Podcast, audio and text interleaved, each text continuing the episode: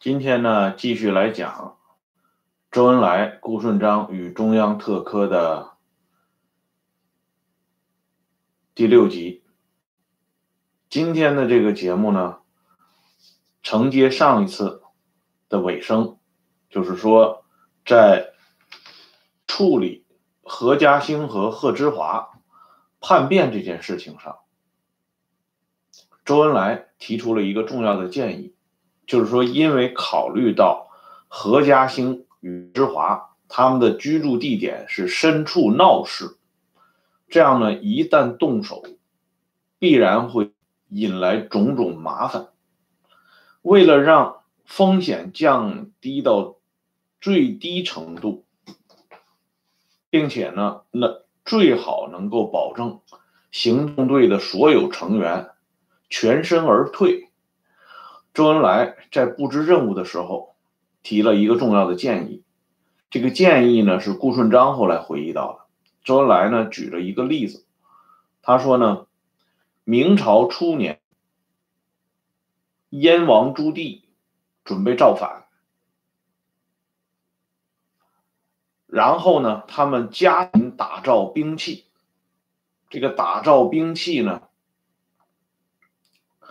会引来很多的这个麻烦。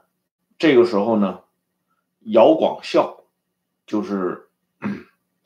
朱棣身边的亲信叫姚广孝，姚广孝呢又是又是道眼和尚啊。姚广孝就出个主意，要养一群大鹅。这个鹅呢，呱呱的叫声就掩盖了这个兵器打造的这个嘈杂声音。周恩来提出这个建议以后呢，这个行动队马上是心领神会。所以呢，他们就准备了很多烟花爆竹、鞭炮，在行动的时候呢，燃放鞭炮，用鞭炮声音掩盖枪声。我在李鹏的那一期节目里边已经提到了，就是说，李鹏的老娘赵君桃也是这一次行动里边的成员之一。赵君桃是女性，啊，她是唯一的一个女性。她利用女性的这个身份，过去与贺知华聊天这样呢拖住贺知华，不让他。行动队成员呢，按照赵君陶发出的信号，冲入房间之内，将何家兴击毙，贺知华打伤。打残，这样呢，整个事件顺利完成。这里呢，要说到一点，就是贺知华，他是被打瞎一只眼睛。一般来说呢，包括木心写的陈赓的传记里边，对贺知华的受伤，一般通行的解释是，这一枪呢，打到贺知华的，呃。脸部打瞎了他的眼睛，红队成员认为已经将贺知华处决了，而且因为在闹市区不宜过多的停留，因此呢没有按照惯例进行补枪，这样呢贺知华侥幸逃生，这是一般意义上的说法，但是我们知道这贺知华被打残后。他一直能够等于说苟延残喘的活了活了下来，到了上个世纪四十年代，这个人才去世。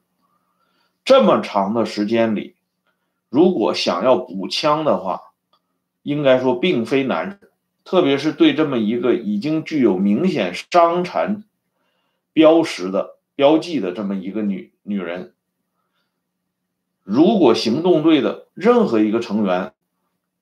奉到上级命令去彻底解决贺之华，那绝非难事啊。但是贺之华呢，还是留了这一条残命，一直拖到最后寿终正寝。可见呢，在行动之初应该就有指令。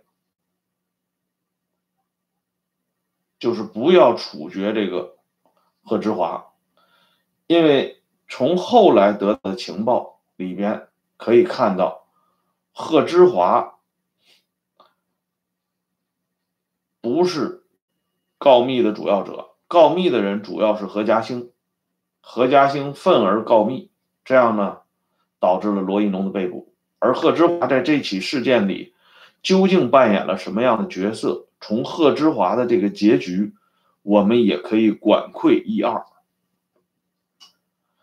在抓捕罗一农的时候，我们都记着当年的那个大型文献纪录片十二集的邓小平，那里边呢曾经采访过重要的当事人，讲到一个细节，就是只差一分钟，就是说当时蹲守的人。如果再耐心的等上几分钟啊，哪怕是一分钟，邓小平可能就落网了。这是非常蠢的一件事儿，冥冥之中可能带有一定的偶然性。本来也是赶赴这个，也是在出发地点现身的，但是邓呢提前了一下离开了，这样呢。他们只抓到了罗亦农，而没有抓到邓小平。这件事情是留给邓的印象啊，包括留给蒋当事人的印象，都是相当之深的。罗亦农被处死以后呢，中共上层非常震惊，痛下杀手，解决了告密者。但是呢，接下来。他们又遇到了一件更棘手的事情，那就是发生在一九二九年的彭阳、严行这四个人在开会的时候再一次的被捕。这里边我们说的这个彭阳、严行呢，指的就是当时声声名大噪的、号称农民大王的彭湃。彭湃当时的党内职务是中共中央政治局候补委员。另外一个杨呢是杨殷，他当时是担任中共中央军事部部长。严是严昌仪，邢是邢世珍，这两个人的名气远不如彭阳名气大得多。我们先来说一下杨殷，杨殷这个人。因为死的很早，所以大家呢对他的印象不是很深。但是这个人，在中央特科，或者说在中共情报界早期的活动当中，他所占的分量是相当之重的。他本人呢参加过广州暴动，他可以说是广州暴动当中的主要领导者。啊，地位实际上是仅次于张太雷的，在叶挺之上，叶挺只不过是名义上而已。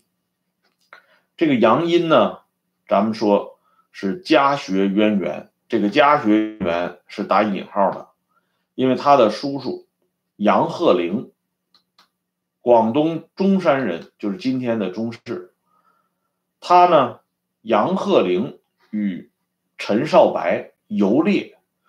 孙中山四个人被称之为四大寇，就是反清反满的四大寇。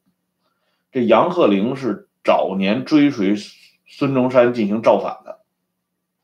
这杨殷呢，继承了他这个叔父的这种反古的倾向，所以呢，这个杨殷也是很早加入了同盟会，投入到反满。反清的这个运动当中，再后来呢，这杨殷又加入了更为激进的左翼革命，就是加参加了中国的共产党。杨殷的年龄是很大的，他是一八九二年生的，他的年龄比毛泽东还要大一岁。但是这个人呢，精神头非常足，能力非常强，他呢既是。啊，省港大罢工就是主持工人运动的一把好手，同时呢，他在军在情报方面也是有很大的发言权。周恩来对杨殷非常看重啊，杨殷这个人据说呢还有一身好功夫啊，一般人呢五六个人还不进不得他身前。这是一个很能打、很能杀的人，骨干力量。比如说，他派黎胜啊，这个人，他手下的一个特科人员黎胜，打入到当时的广州市公安局。说这个话是在广州暴动之前呢。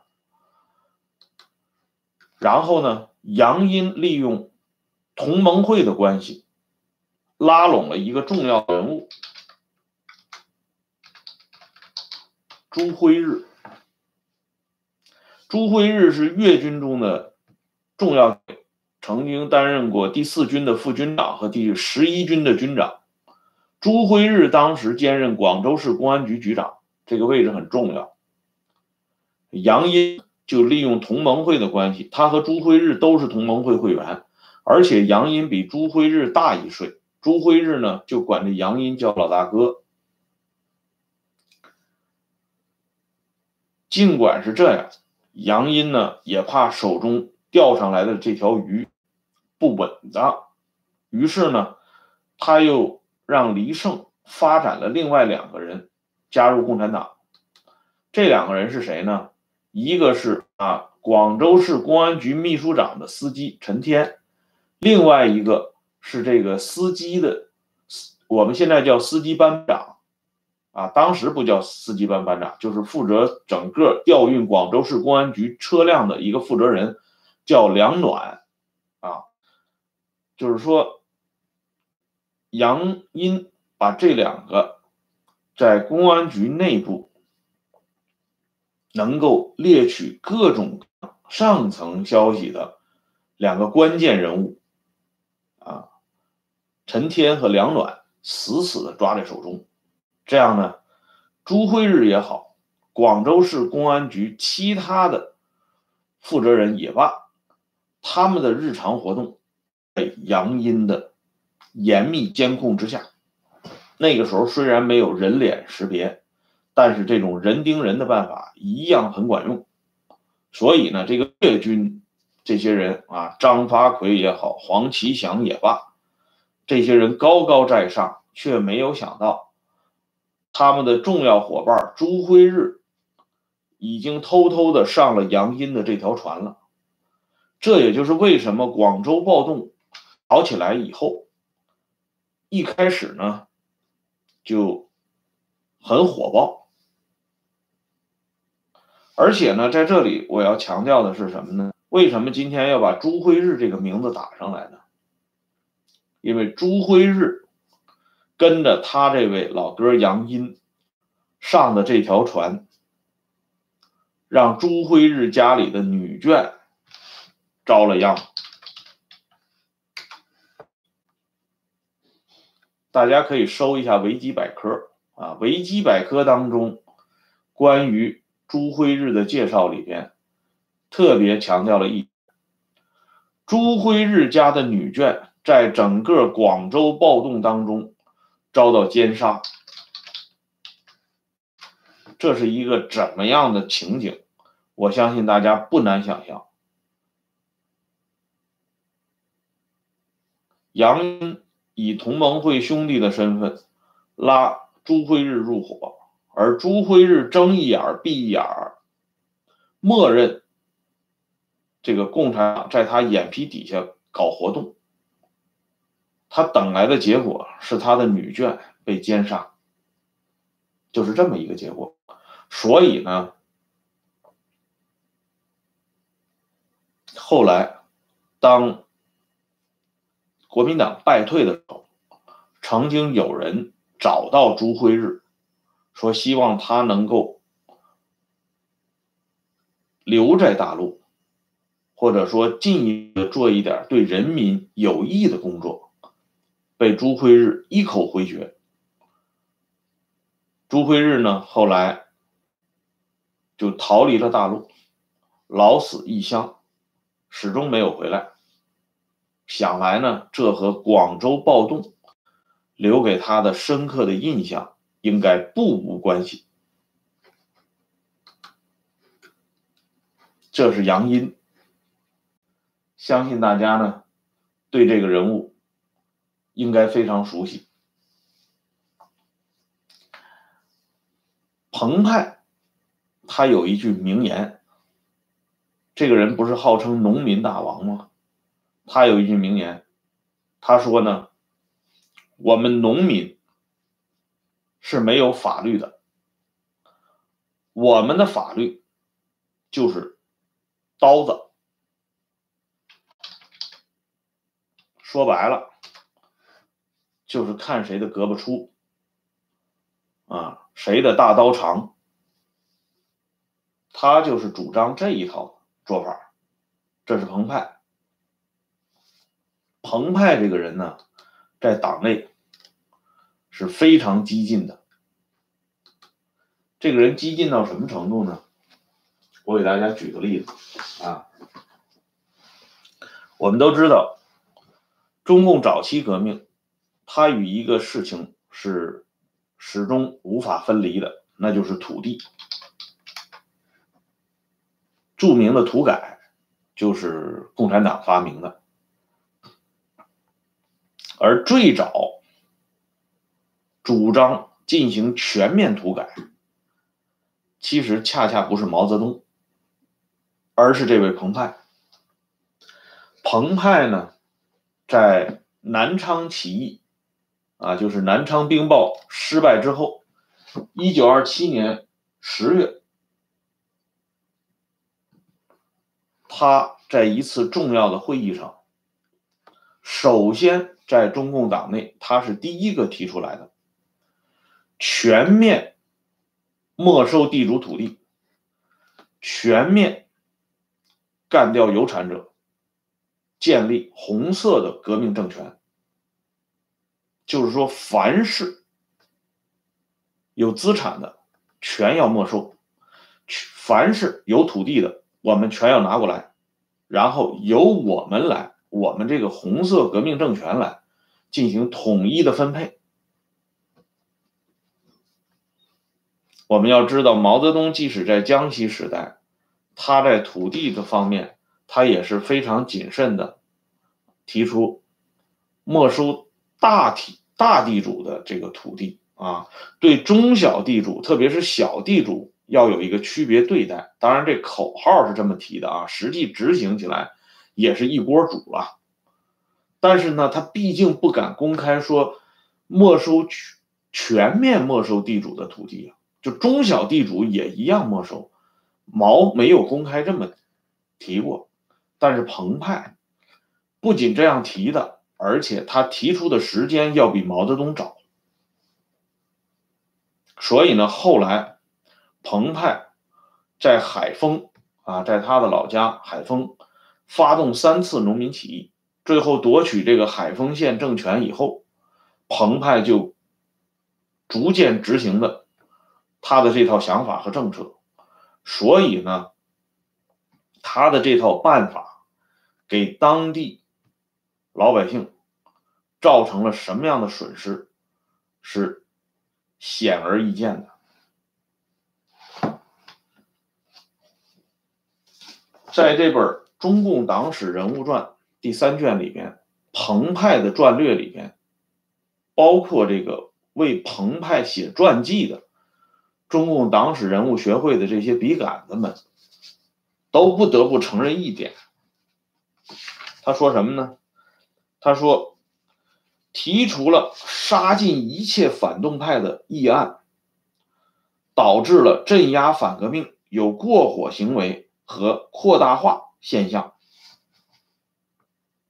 这就是说，彭湃当时在海丰，包括海陆丰在内啊，海丰、陆丰在内的这些地方所搞的这种所谓的镇压反革命，是相当激进的。我在之前呢讲述邓发的时候，曾经一笔带过当时海陆丰杀人的这个现象。当时呢，海陆丰苏维埃政府颁布了一个杀人的条例，列举了二十六个杀人的命令，就是说囊括了很多内容。我这里呢，可以不厌其烦的给大家再说一遍啊，举几个大的一点例子。第一条，盲人杀；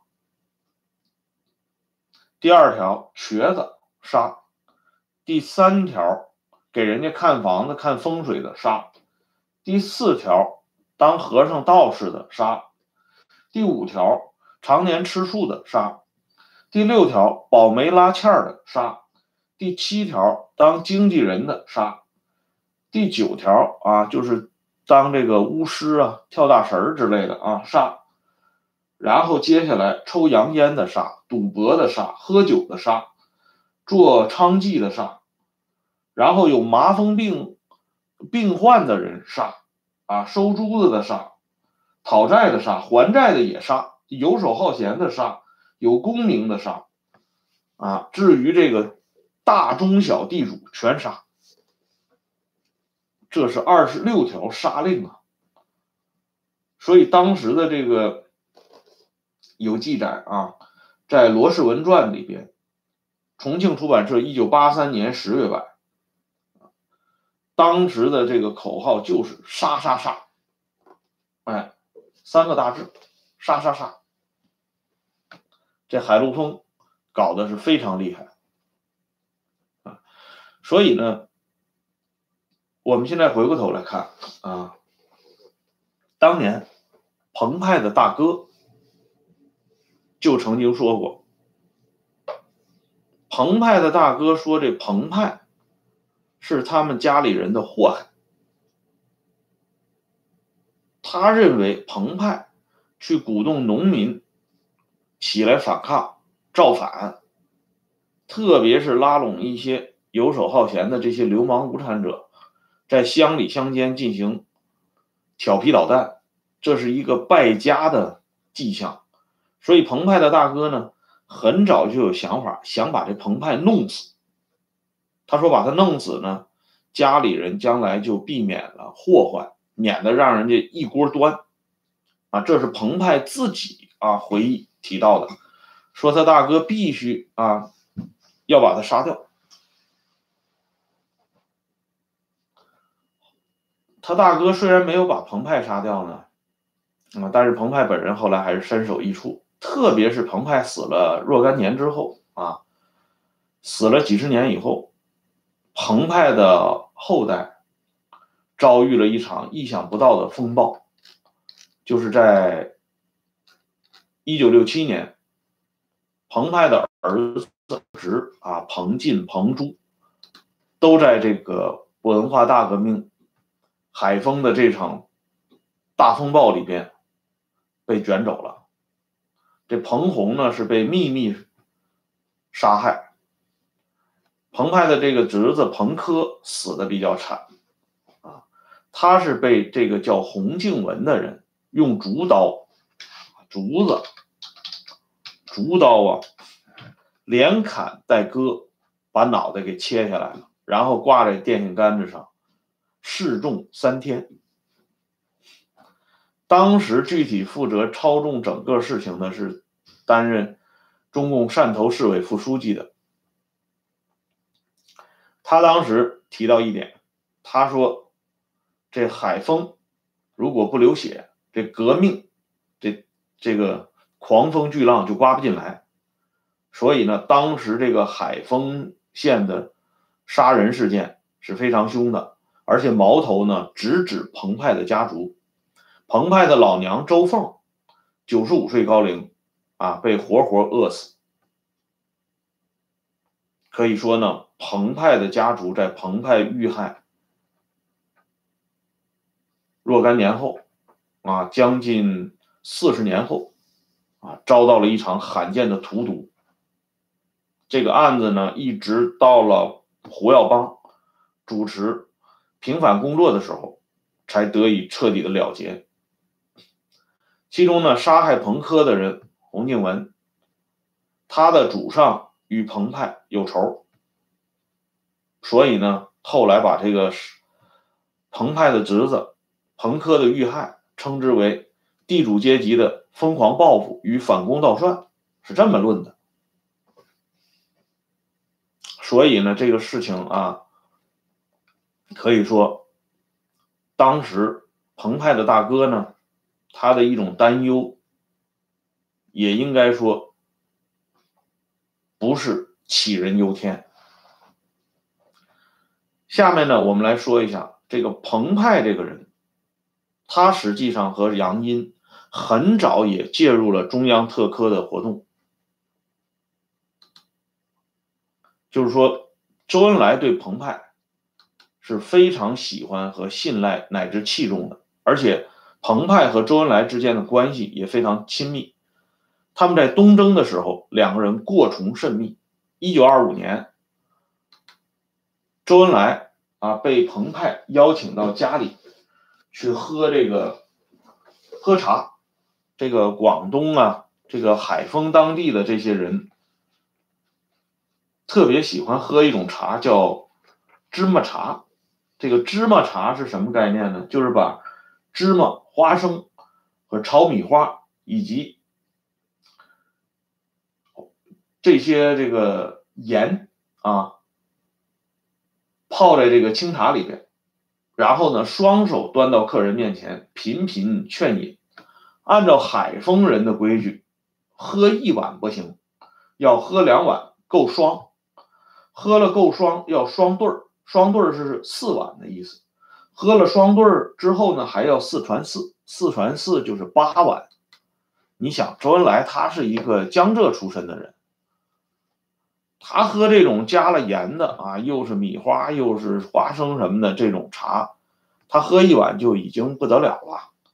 但是澎湃坚持让他接着喝，然后这澎这周恩来就给活活的灌了两碗茶下来。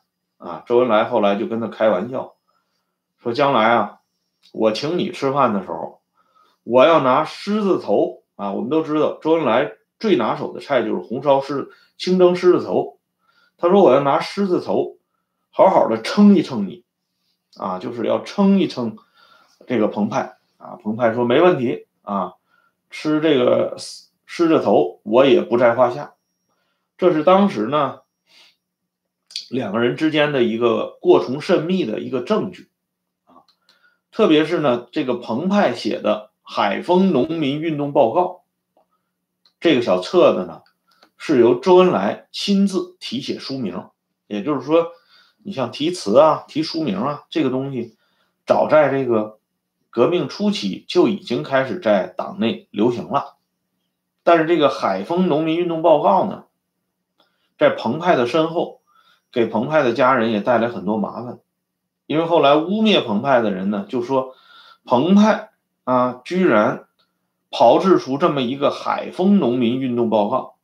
这是试图啊，要与这个伟大领袖的湖南农民运农民运动考察报告相比肩，这是一种犯上的行为。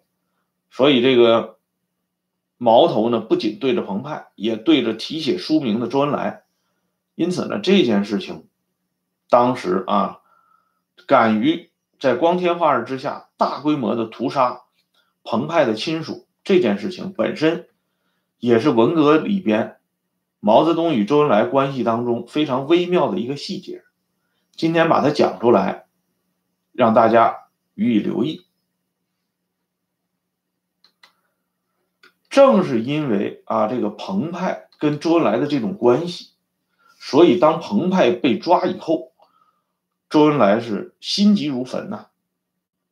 这个对比罗亦农来说，澎湃之于周恩来的关系。那更为重要，因为当时党内军事人才奇缺，特别是像澎湃这种，啊，振臂一挥，鹰者云集的这种极具煽动性的人物，那党内是屈指可数啊。这样的人一旦被抓，像杨殷，那是一肚子情报，这对中央特科的工作那损失太大了，所以周恩来要求不惜一切代价予以。抢救，而出卖澎湃杨殷的人呢，就是白新。他的职务呢，当时是中央军委的秘书，就是给彭湃、杨殷他们打下手的。他为什么要出卖彭湃和杨殷呢？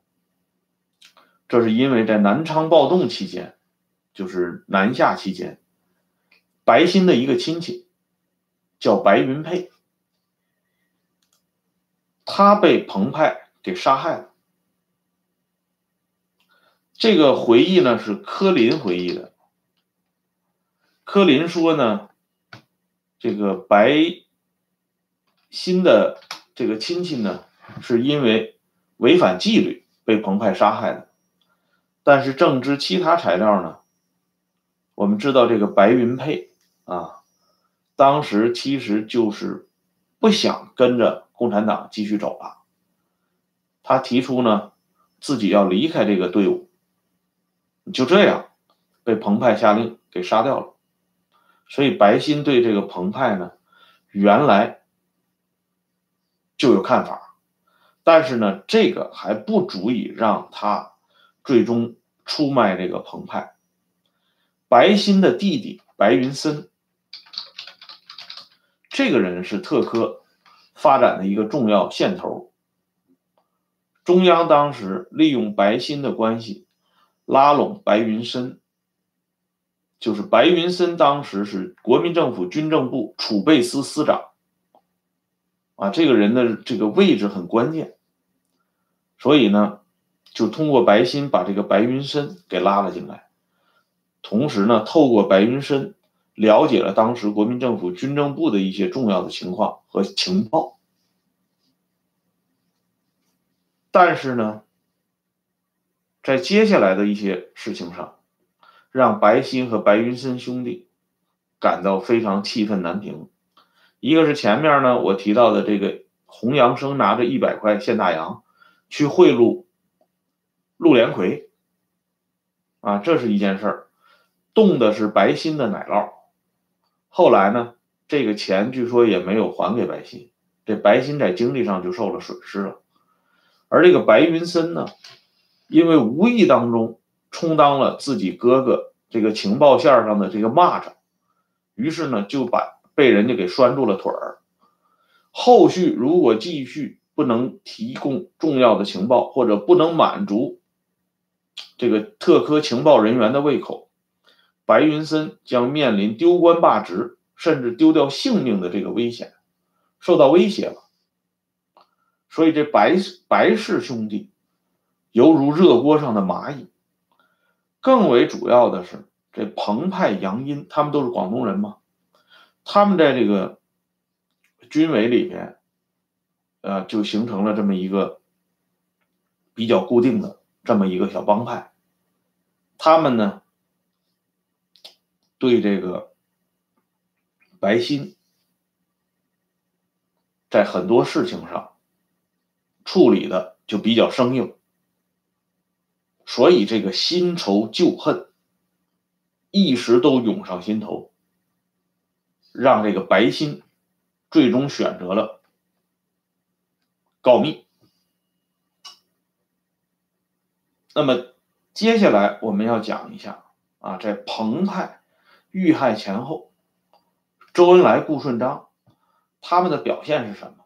包括彭湃遇害之后，他们又是怎么处理白歆？和他的老婆王英的，这个我们的下一次节目里边继续向大家讲述。今天呢，直播先暂时到这里，谢谢大家收看和订阅，再见。